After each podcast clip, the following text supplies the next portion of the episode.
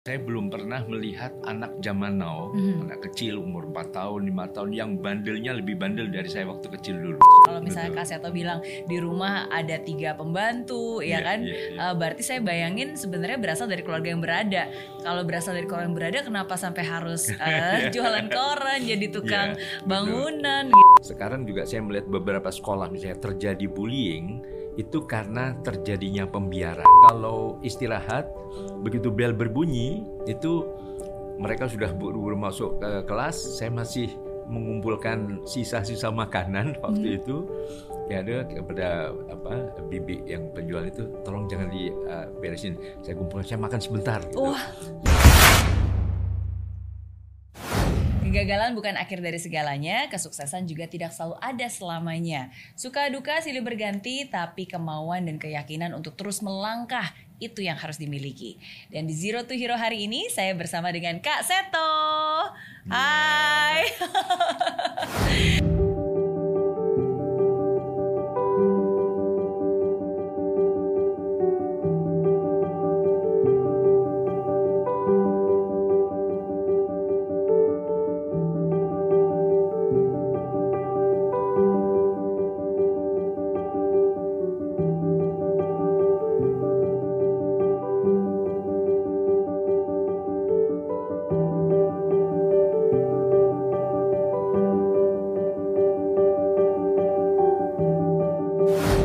Siapa sih yang nggak kenal dengan Kak Seto, ya kan? Em, pemerhati kesejahteraan anak, pendidikan anak, pembuat dari karakter si Komo.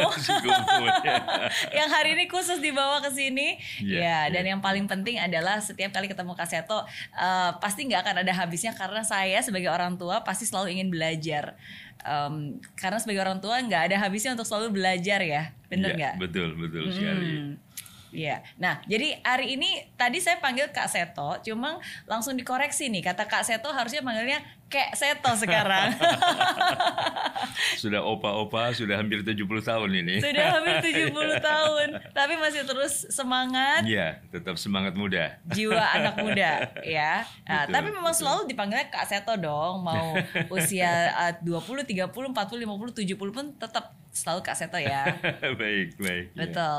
Oke, nah jadi em, mungkin ada banyak yang pengen saya tanyakan, tapi mungkin saya mulai dulu nih kan kalau kita berbicara tentang zero to hero, Iya, iya. Eh, setiap orang tuh pasti pernah melewati masa sulitnya. Oke, termasuk juga Kak Seto sendiri. Iya, Ya betul, pernah betul. em, menjadi gelandangan, Iya, pemulung, pemulung, kuli pasar, tukang batu, tukang parkir. tukang parkir ya. Sampai pembantu rumah tangga yang paling tinggi. Hmm, yang paling tinggi pembantu rumah tangga ya, dan itu tujuh tahun ya kalau nggak salah ya. Iya, selama tujuh tahun. selama tujuh tahun. Oke, nah itu mungkin bisa diceritakan singkat kok bisa melewati semua itu. Iya, memang eh, salah satu yang saya ingat karena kuncinya pada masa kanak-kanak dulu Hmm. mendapatkan limpahan kasih sayang dari orang tua. Jadi saya itu saya belum pernah melihat anak zaman now, Mhm. anak kecil umur 4 tahun, 5 tahun yang bandelnya lebih bandel dari saya waktu kecil dulu. Oh ya, Betul, saya itu bandel sekali nggak bisa diem lompat sana lompat sini naik ke atas genteng naik pohon jatuh kepala di bawah bocor dijahit Mhm. akhirnya pakai poni terus ini untuk menutupi jahitannya nih. Oh, wow. Jadi di balik pohon itu ada bekas jahitan. Oke. Iya. Jadi makanya tapi orang tua saya tidak bilang kamu nakal nakal nakal tidak, tapi dibuang energi yang berlebihan itu dengan berbagai kegiatan. Hmm. Jadi kegiatan misalnya apa apa lari-lari, lari pagi kita biasa punya tradisi itu Hmm. itu juga dengan orang tua. Kemudian juga belajar dari kecil belajar menari. Nah, kalau menari itu waktu itu bukan hanya menari yang halus tapi jadi raksasa misalnya. Jadi Oke. lompat, koprol dan sebagainya karena itu udah jadi kebiasaan waktu kecil dulu nggak bisa diem itu gitu Iya. lalu juga bela diri Hmm. ada apa waktu itu juga pernah belajar silat tapi Hmm. pernah belajar kungfu waktu itu juga Hmm. kemudian ya pokoknya berbagai aktivitas termasuk mengarang menggambar ikut apa teater dan sebagainya jadi akhirnya Oke. energinya bisa terbuang secara positif tidak bikin gara-gara di rumah gitu Iya, berarti memang wajar untuk anak-anak itu punya energi yang berlebihan dan aktif dalam tanda kutip menjadi anak nakal dalam tanda Iya. kutip kata orang tuanya ya padahal sebenarnya bukannya nakal tapi ya memang energinya harus disalurkan aja Betul. Iya. Dan ibarat magma gunung merapi yang membara, kalau ditutup nggak boleh ini nggak boleh ini, akhirnya bisa malah meledak kan. Jadi ya disalurkan dengan cara yang tepat. Begitu. Iya, tapi kan namanya juga anak-anak ya kadang-kadang kan mungkin nggak terlalu mau mendengarkan kata orang tua. Nah, bagaimana cara waktu itu orang tua Kaseto mengarahkan? Karena sering kali orang tua kita kasih arahan tapi anaknya ah nggak mau maunya ini gitu. Betul, iya. Nah, saya sekarang juga baru tahu kenapa salah satu hak dasar anak yang ditentukan oleh Convention on the Rights of the Child ini adalah hak berpartisipasi atau hak didengar suaranya. Hmm. Nah, dari kecil kami itu sudah terbiasa mungkin kalau istilah kerennya rapat keluarga. Hmm. Ya, tapi sebetulnya ngobrol-ngobrol saja. Jadi yuk Oke. kita ngobrol. Ngobrol di halaman, kadang-kadang di sofa, kadang di mana saja. Hmm. Jadi ngobrol untuk mendengar suara anak. Jadi kita juga didengar suaranya. Nah, menurut kamu begini, kenapa begini, kenapa begini, Hmm. bagaimana caranya? Sehingga dari kecil kami juga sudah dibiasakan bekerja. Artinya bekerja itu mulai dari menyapu, mengepel, walaupun Oke. waktu itu ada tiga pembantu waktu itu ya Iya. bahwa akhirnya kita juga mulai dilatih menghadapi hidup lah. Waktu sekolah pun memba- apa eh, bekerja sebagai penjual koran, penjual tas Hmm. plastik dan sebagainya. Jadi semacam anak jalanan kita sudah sudah punya modal gitu, sudah tertempa bahwa ah kita sudah biasa dilatih bekerja dan berani menghadapi segala masalah begitu. Oke, um, nah itu itu yang tadi saya mau tanyakan kalau misalnya Betul. Kak Seto bilang di rumah ada tiga pembantu, ya Iya, kan? iya, iya. Eh, berarti saya bayangin sebenarnya berasal dari keluarga yang berada. Kalau berasal dari keluarga yang berada, kenapa sampai harus eh, jualan koran, jadi tukang betul. bangunan gitu? Tapi ternyata karena mungkin ketika orang tua wafat, perekonomian juga menurun dan Iya. di situlah akhirnya hidup tidak senyaman yang dulu. Betul, betul. Hmm. Tetapi eh, masih ada ibu yang kemudian memberi memberi motivasi bahwa Hmm. ini kalau di dalam cerita pewayangan itu Raden Gatot Kaca tuh supaya menjadi otot apa eh, kawat dan tulang besi ibaratnya itu harus masuk ke kawah Condro di Muko gitu kawah yang membara yang merupakan saat-saat kamu terbajakan nah Hmm. saat itulah yang diberi motivasi oleh ibu saya bahwa kamu nggak apa-apa sebagai artinya waktu itu sebagai eh, pelajar di sebuah sekolah yang bergengsi Iya. tapi ya kami juga jual koran dan segala macam bahkan malah eh, bisa terpilih sebagai ketua osis waktu itu Wow.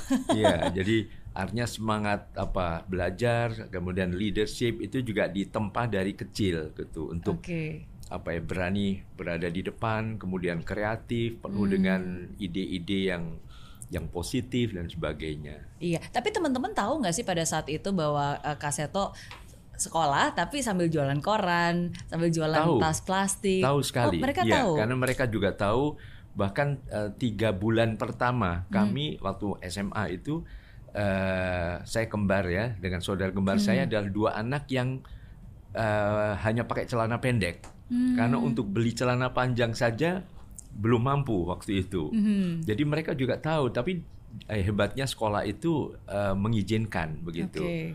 Akhirnya seorang teman eh, apa mengajak ke rumah. Sekarang teman itu masih ada jadi dokter di Jerman. Wah. Jadi masih kita sering berkomunikasi ya. Kamu ke rumah saya. Akhirnya sampai di rumahnya buka almari. Kamu pilih dua celana, buat satu kamu, satu lagi buat eh, Kresno, saudara Iya. kembar kamu dia bilang gitu. Akhirnya saya pilih yang paling pas lah gitu. Udah sampai itu setelah sema- selama seminggu kita pakai terus itu. Jadi hari Sabtu waktu itu masih sampai Sabtu sekolahnya Iya. ya. Dicuci eh, untuk Senin dipakai lagi. Waktu itu memang tidak pakai seragam ya. Hmm. Jadi semua uh, anu yang penting SMA harus pakai celana panjang. Hmm. Jadi mereka tahu bahkan kalau istirahat begitu bel berbunyi itu mereka sudah buru-buru masuk ke kelas. Saya masih mengumpulkan sisa-sisa makanan waktu itu. Ya ada kepada apa bibi yang penjual itu tolong jangan diberesin. Saya kumpulkan saya makan sebentar gitu. Wah. Jadi makan sisa makanan tapi enak juga ya. Jadi Iya. pengalaman sampai situ dan beberapa teman juga Wow. tahu itu gitu. Jadi Iya. tapi itu kita tetap hadapi dengan semangat dan tetap penuh persahabatan dengan teman-teman. begitu. Kaset kasetnya sendiri nggak minder dan teman-teman pun nggak Iya. membuli ya. Karena kan kalau Iya, diambil dari betul. konteks zaman sekarang kan pertama-tama uh, anaknya sendiri pasti ngerasa gengsi. Iya, pasti dia iya, ngerasa iya. beda nih dengan teman-teman yang lain. Kok saya harus makan makanan sisa? Dia sendiri pasti rasa percaya dirinya udah udah turun gitu. Betul, Ditambah beberapa teman-temannya yang mungkin membuli. Iya, Hmm. iya hebatnya di situ. Jadi penuh persahabatan. Bahkan kemarin tahun kemarin itu kita reuni 50 tahun. Mhm. Jadi re- reuni emas ya. Masih sering berkumpul. Nah mereka masih bilang, kamu ingat nggak begini? Kamu ingat gini? kamu waktu itu jual koran ya. Kamu makan bekas saya loh itu. Iya. Jadi masih sering bercanda juga begitu. Jadi ya walaupun sudah opa-opa semua ya. Tapi kenangan Begitu. masa sekolah dulu ya Sangat selalu indah. dikenang. Betul, nah kalau menurut betul. Kak sendiri berarti apa membedakan? Apakah karena memang eh, sekolahnya yang yang mendidiknya dengan cara yang berbeda atau memang generasi anak zaman dulu tuh lebih baik-baik dibandingkan zaman sekarang yang mungkin lebih kritis dan lebih Iya. apa ya lebih apa lebih mudah untuk membuli. Ya, ya. Pertama mungkin memang generasinya berbeda ya. Hmm. Zaman itu belum terlalu walaupun memang sudah ada beberapa um, apa bully semacam itu sudah, tapi eh, selain eh, waktu itu masih cukup apa ya lebih ya dalam tanda kutip santun lah dibandingkan Hmm. sekarang. Juga sistem sekolah yang bagus karena Hmm. sekarang juga saya melihat beberapa sekolah misalnya terjadi bullying itu karena terjadinya pembiaran sering Oke. terjadi pembiaran. Jadi kalau sekolah betul-betul menegakkan suatu aturan dan aturan itu dikomunikasikan dengan cara yang lebih demokratis dengan para siswa, tampaknya juga akan lebih bagus. Hmm, Oke, jadi lingkungannya berubah, eh, orangnya juga anaknya juga berubah, Iya, ya. Tapi itu betul. bukan alasan untuk membiarkan itu tetap terjadi ya. Iya, Dalam arti kalau betul. misalnya itu dengan keadaan yang sekarang dan konteks sekarang pun sebenarnya kayak pembulian itu bisa dikondisikan supaya eh, itu tidak terjadi Betul, dan eh, betul. sesama pelajar juga saling mensupport, saling membantu. Iya, apalagi sekarang dikampanyekan kan eh, sekolah-sekolah ramah anak SRA oleh Kementerian Pemberdayaan Perempuan dan Perlindungan Anak di kampanye itu. Ya mudah-mudahan seperti sekolah saya dulu yang penuh dengan suasana keakraban gitu dan Amin, amin, Ya. amin, amin. Akhirnya saya saking nggak kuat, udah saya memutuskan saya kabur ke Jakarta Hmm. tanpa pamit waktu itu. Lalu beliau mengatakan, "Dek," beliau manggil saya Adik.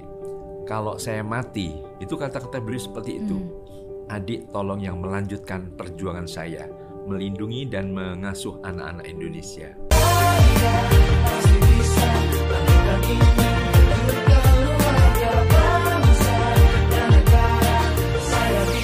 Ya, laksana bumi tanpa hujan, hidup tanpa tujuan, kering dan mati tanpa hijaunya tumbuhan. Ah, demikian kalau mimpi tak kunjung terjadi.